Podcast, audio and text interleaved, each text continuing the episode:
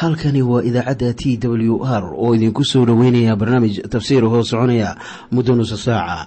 Waxaana barnaamijkan codka waayaha cusub ee waxbaridda ah idiin soo diyaariya masiixiin soomaaliya.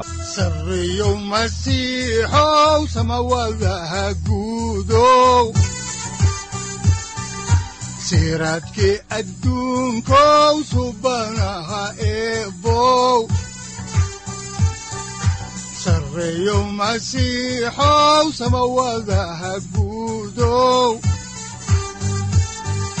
siraadkii adduunkow subanaha adigoo jiro ifkaan soo saldhiganba adigoo soo saldhiganba kutubtiisanaye udanogu saaciiday sharxin sifahaaga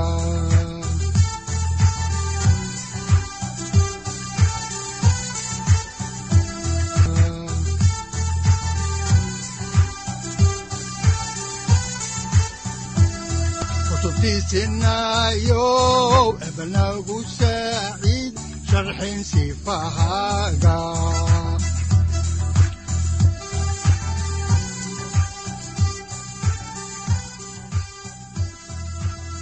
ku soo dhowaada dhegeystayaal barnaamijkeena dhammaantiinba. Waxaanu ku guda jirnay kitaabka barashada ee loo yaqaano kitaabka bilowgii.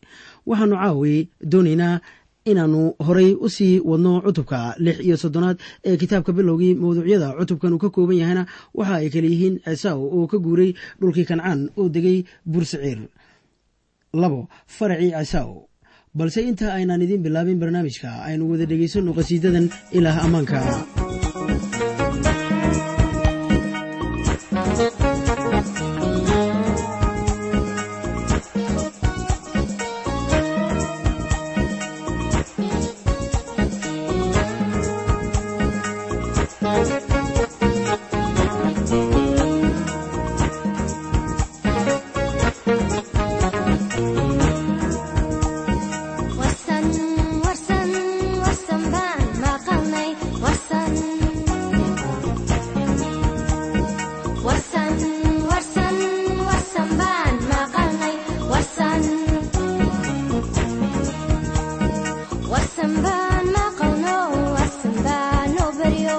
llevas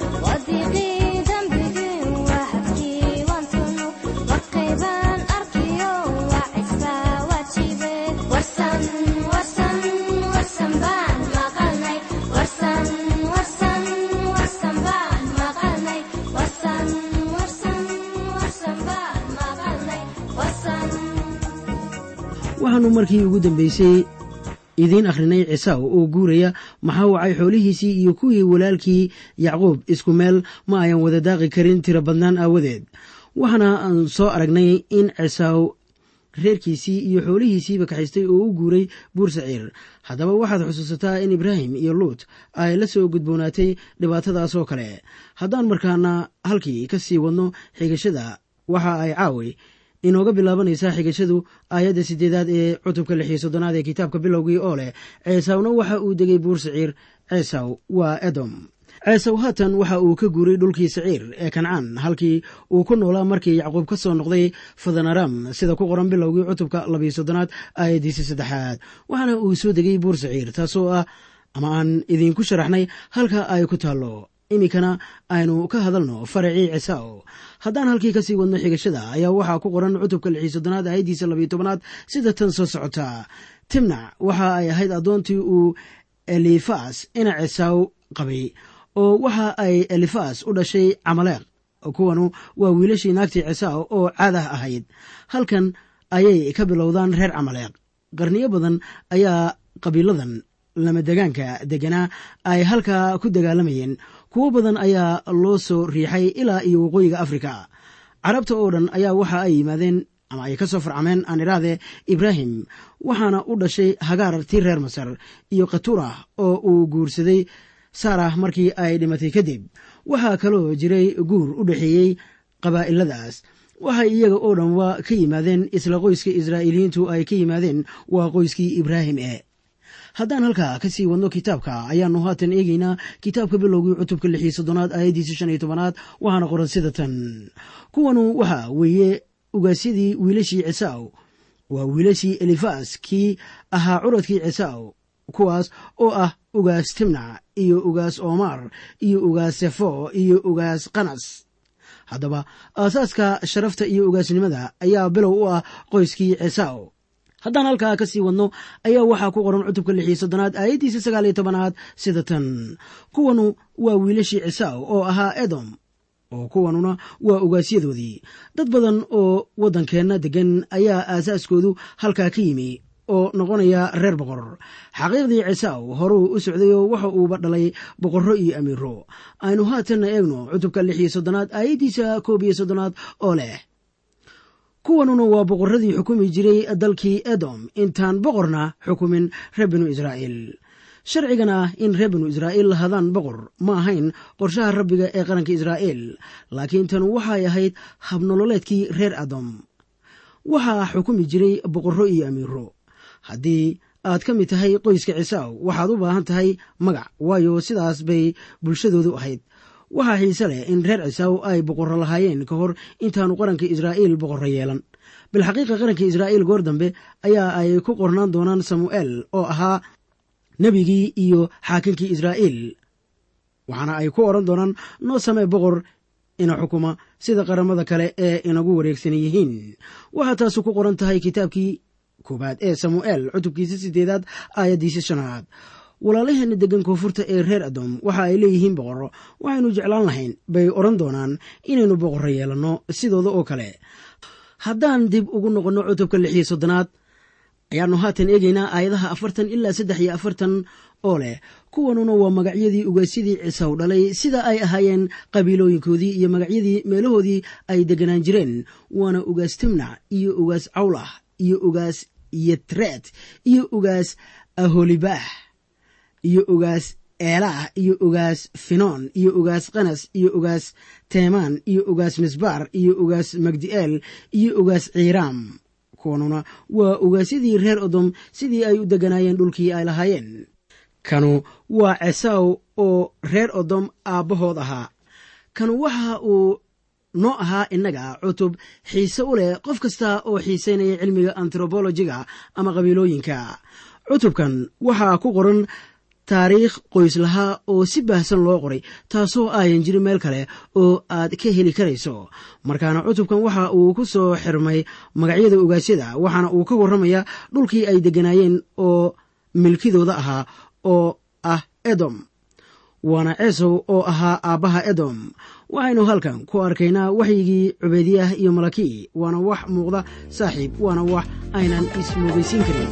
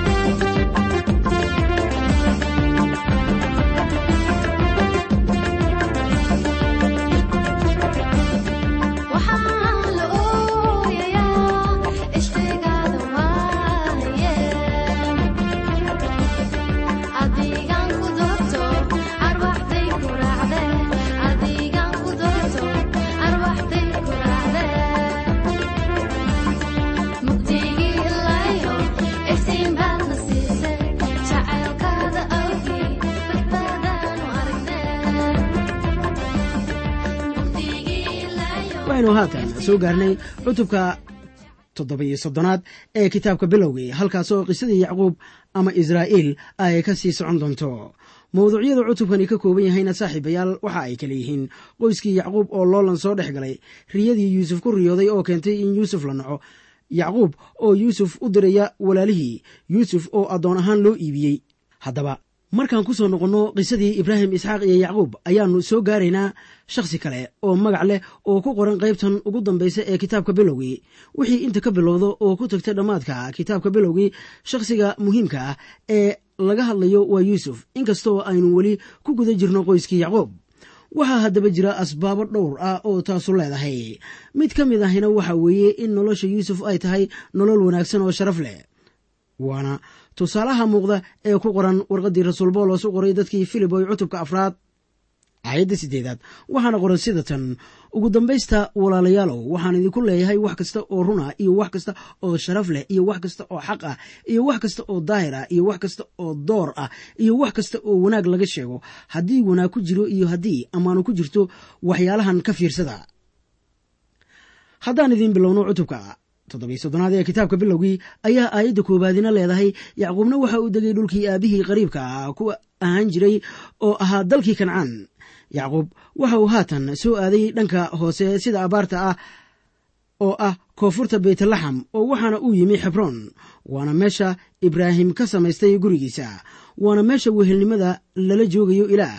Haddaan ku noqonno cutubka soddon iyo toddobaad ayaa waxaa ku qoran aayadda labaad sida tan kuwanuna waa farcankii yacquub yuusuf isagoo jira toddoba iyo toban sannadood ayuu idaha la daajinayey walaalihiis waxaana uu ahaa wiil la jooga wiilashii bilha ah iyo silfa ah oo ahaa naagihii aabbihiis markaasuu yuusuf xaggooda war xun uga keenay aabbahood. Waxaannu arkaynaa in carruurtii yacquub dhalay ay ahaayeen carruur dhib badan. Marka laga reebo yuusuf iyo benyamin waxa ay nimankan ku qaadatay wakhti dheer in ay bartaan casharada ilaah barayo. Waxaad ogaataa in diiradda laga soo qaadayo yacquub oo la saarayo yuusuf. Yuusufna waxa uu jiray toddoba iyo toban sannadood waana dhowr iyo toban jir markii dhacdadanu dhacday. Wuxuuna ahaa kan ugu yar kuwa la jira xoolaha duurka. Benyamin weli waxa uu ahaa wiil yar soo arki oo waxa uu joogaa guriga. Dabcan taas iyada ma ayan jeclaysan nimankan dhallinyarada ah. Waxaan hubaa in ay ugu yeeri jireen warrow ama nabiib haddaan dib ugu noqonno kitaabka bilowgii cutubka soddon iyo toddobaad aayadda saddexaad ayaa waxaa qoran israa'iilna yuusuf uu ka jeclaa carruurtiisa oo dhan maxaa yeelay wuxuu ahaa inankuu dhalay markuu gaboobay oo wuxuuna u sameeyey shulug midabyo badan leh. Waxaa loo fasiran karaa khamiiska midabyada badan inuu yahay khamiis gacmo dheere ah oo leh xarga dhaadheer haddaan ku soo noqonno kitaabka bilowgii cutubka toddobiyo soddonaad aayaddiisa afraad ayaa waxaa qoran. Markaasaa walaalihiis arkeen in aabbahood ka jecel yahay isaga walaalihiisoo dhan maxaa yeelay waxa uu ahaa inankuu dhalay markuu gaboobay oo wuxuuna u sameeyey shulug midabyo badan leh. Dabiiciyan walaalaha way isnecab yihiin haddii odagu mid iyaga ah ka jeclaado kuwa kale. Ulamana aayan hadli karin si nabada isaga. Waxaannu halkan ku arkaynaa loolan ka dhex socda qoyskan waxaan kuu sheegayaa inaanan shaqo ku lahayn qoyska qofkaasu ka yimi laakiin dembigu waxbuu burburiyaa. Waxaan intaa ku ogaanaynaa in yuusuf noqday qof la takooro. Aabbihiis ayaa jacaylkii uu u qabay awgii. U soocay yuusuf walaalihiisiina waxa ay u takooreen nacaybkii ay u hayeen isaga. Iminkana aynu ka hadalno maaddada ah riyadii yuusuf oo keenaysa in walaalihiis aad u sii nibcaadaan isaga. Haddaan halkii ka sii wadno kitaabka bilowgii cutubka soddon iyo toddobaad ayaa waxaa ku qoran aayadaha shan ilaa lix sida tan soo socota. Yuusufna wuu riyooday markaasuu riyadiisii u sheegay walaalihii iyana aad bay u sii nabcaadeen oo waxa uu iyagii ku yidhi waan idin baryayaaye bal maqla riyadan aan ku riyooday. Haddaba sidee baan u sharaxnaa wixii yuusuf sameeyey?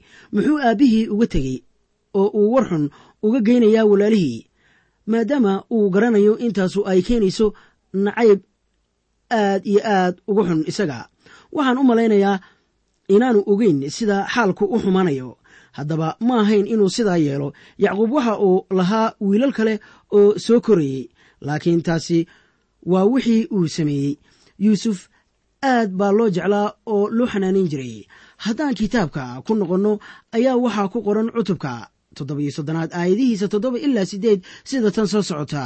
Bal eega waxaynu beerta ku xidhxidhnay xidhmooyin markaasaa xidhmadaydii kacday oo istaagtay oo xidhmooyinkiinniina hareeraheeday yimaadeen oo u sujuudeen xidhmadaydii markaasaa walaalihii ku yidhaahdeen ma annagaad na xukumi doontaa amase noo talin doontaa.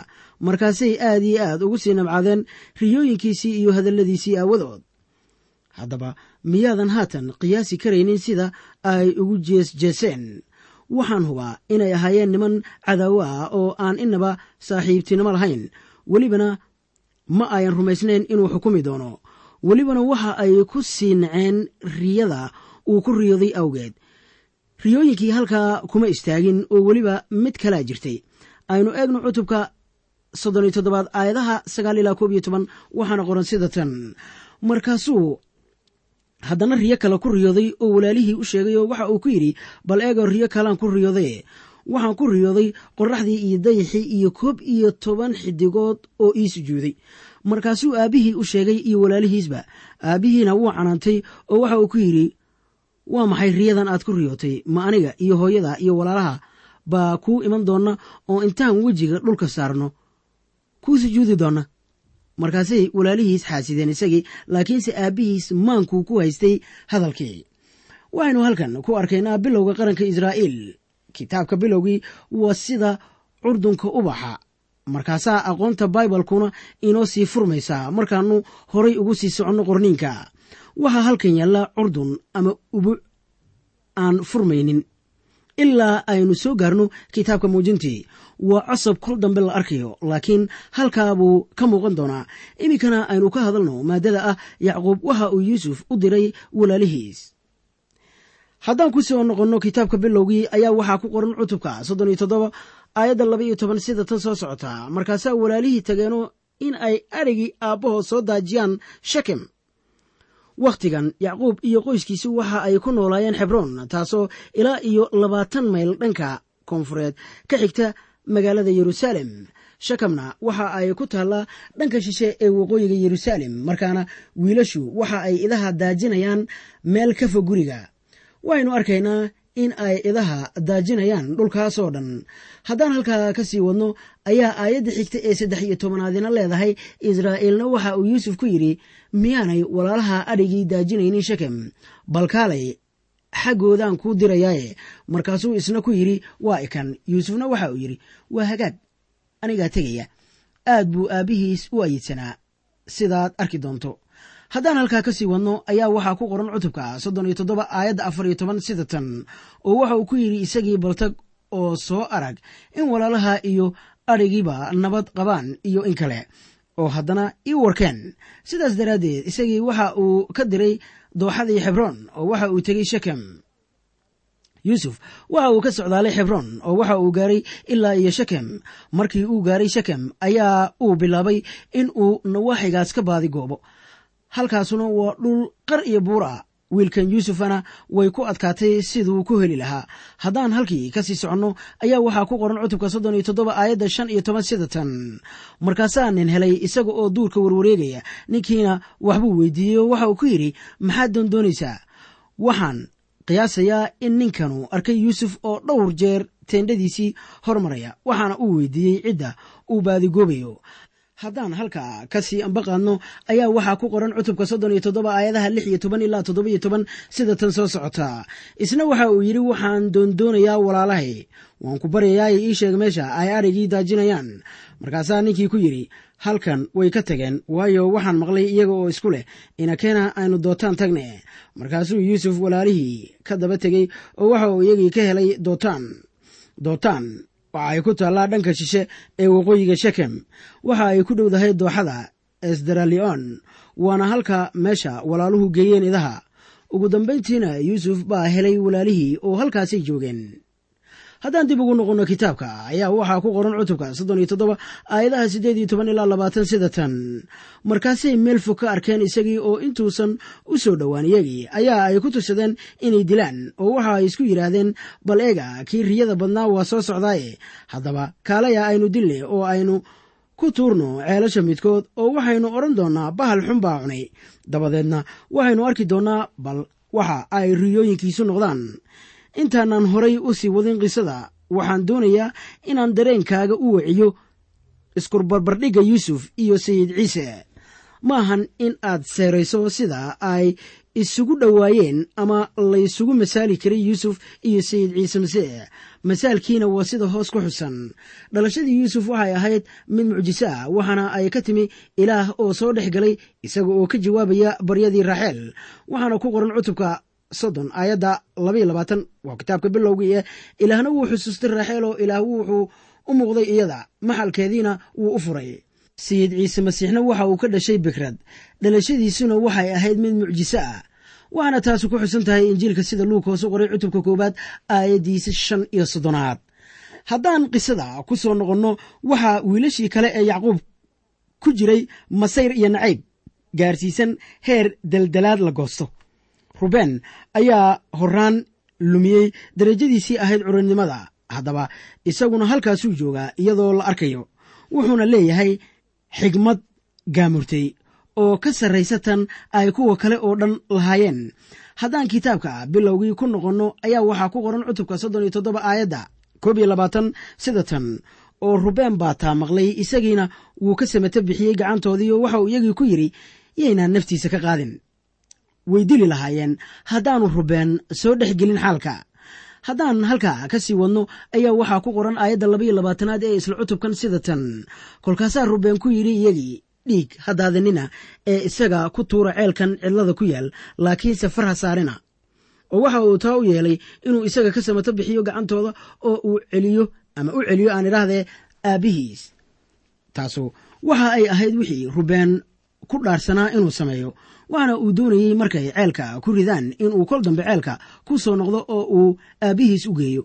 Haddaan halkii ka sii wadno ayaa waxaa ku qoran cutubka soddon iyo toddoba aayadda saddex iyo labaatan sida oo waxay noqotay in markii yuusuf walaalihii u yimi ay yuusuf ka furteen shulugii kaasu waxa uu ahaa shulugii midabyada badnaa oo uu qabay.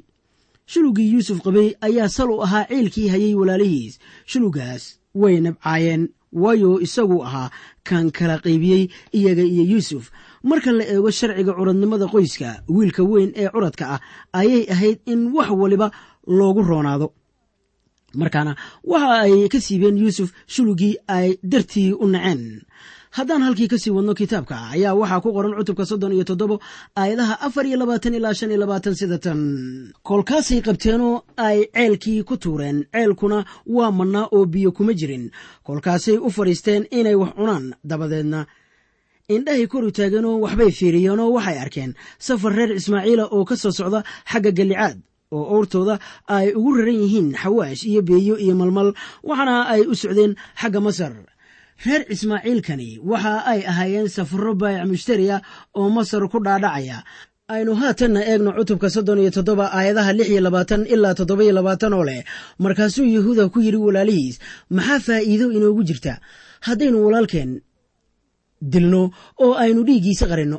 Kaalaya aynu reer ismaaciil ka iibinne oo yaynaan isaga far saarin maxaa yeelay isagu waa walaalkeen waana jirkeenna.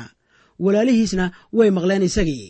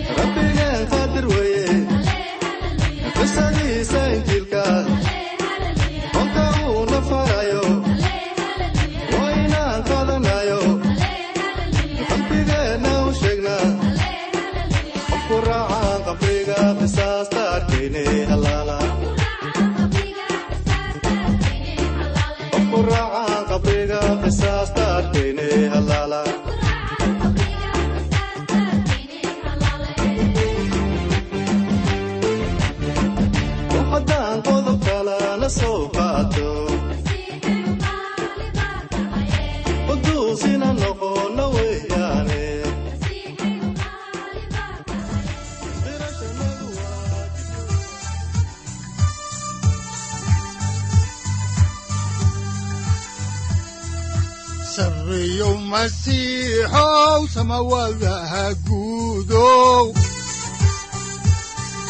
siraadkii adduunkow subanaha eebow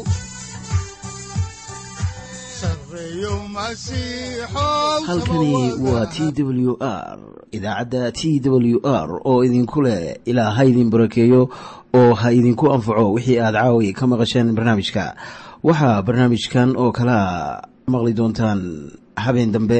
Hadahan oo kale haddiise aad doonaysaan in aad fikirkiina ka dhiibataan wixii aad caawi maqasheen ayaad nagala soo xiriiri kartaan som t w r at t w r c o k e dhegaystayaal haddii aad doonaysaan inaad mar kale dhegaysataan barnaamijka. fadlan mar kale booqo www t t b o r g ama www t w r o r g halka sare waxaad ku arkaysaa markii aad gasho language ama luuqadda waxaana dooranaysaa soomaali. Haddii aad doonaysaan in aad dejisataan oo kaydsataan barnaamijka ama aad mar kale dhegaysataan fadlan mar kale booqo www t t b t w r o r g ama www t w r o r g haddii aad doonayso in laga kaalmeeyo dhinacyada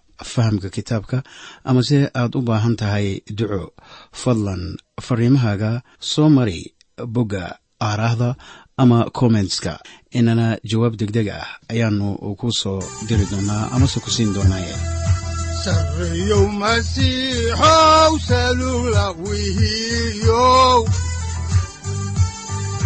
saacadda timid dhulka sabada ku dhalatiyo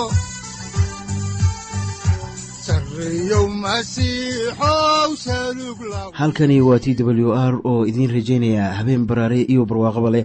Inta aynu ka gaari doono wakhti aynu ku kulanno barnaamij la mida kan caawayay aad maqasheen. Waxa aan idinku leeyahay nabadda ciise masiix ha idinku badato xagga jirka iyo ruuxaba. Aamiin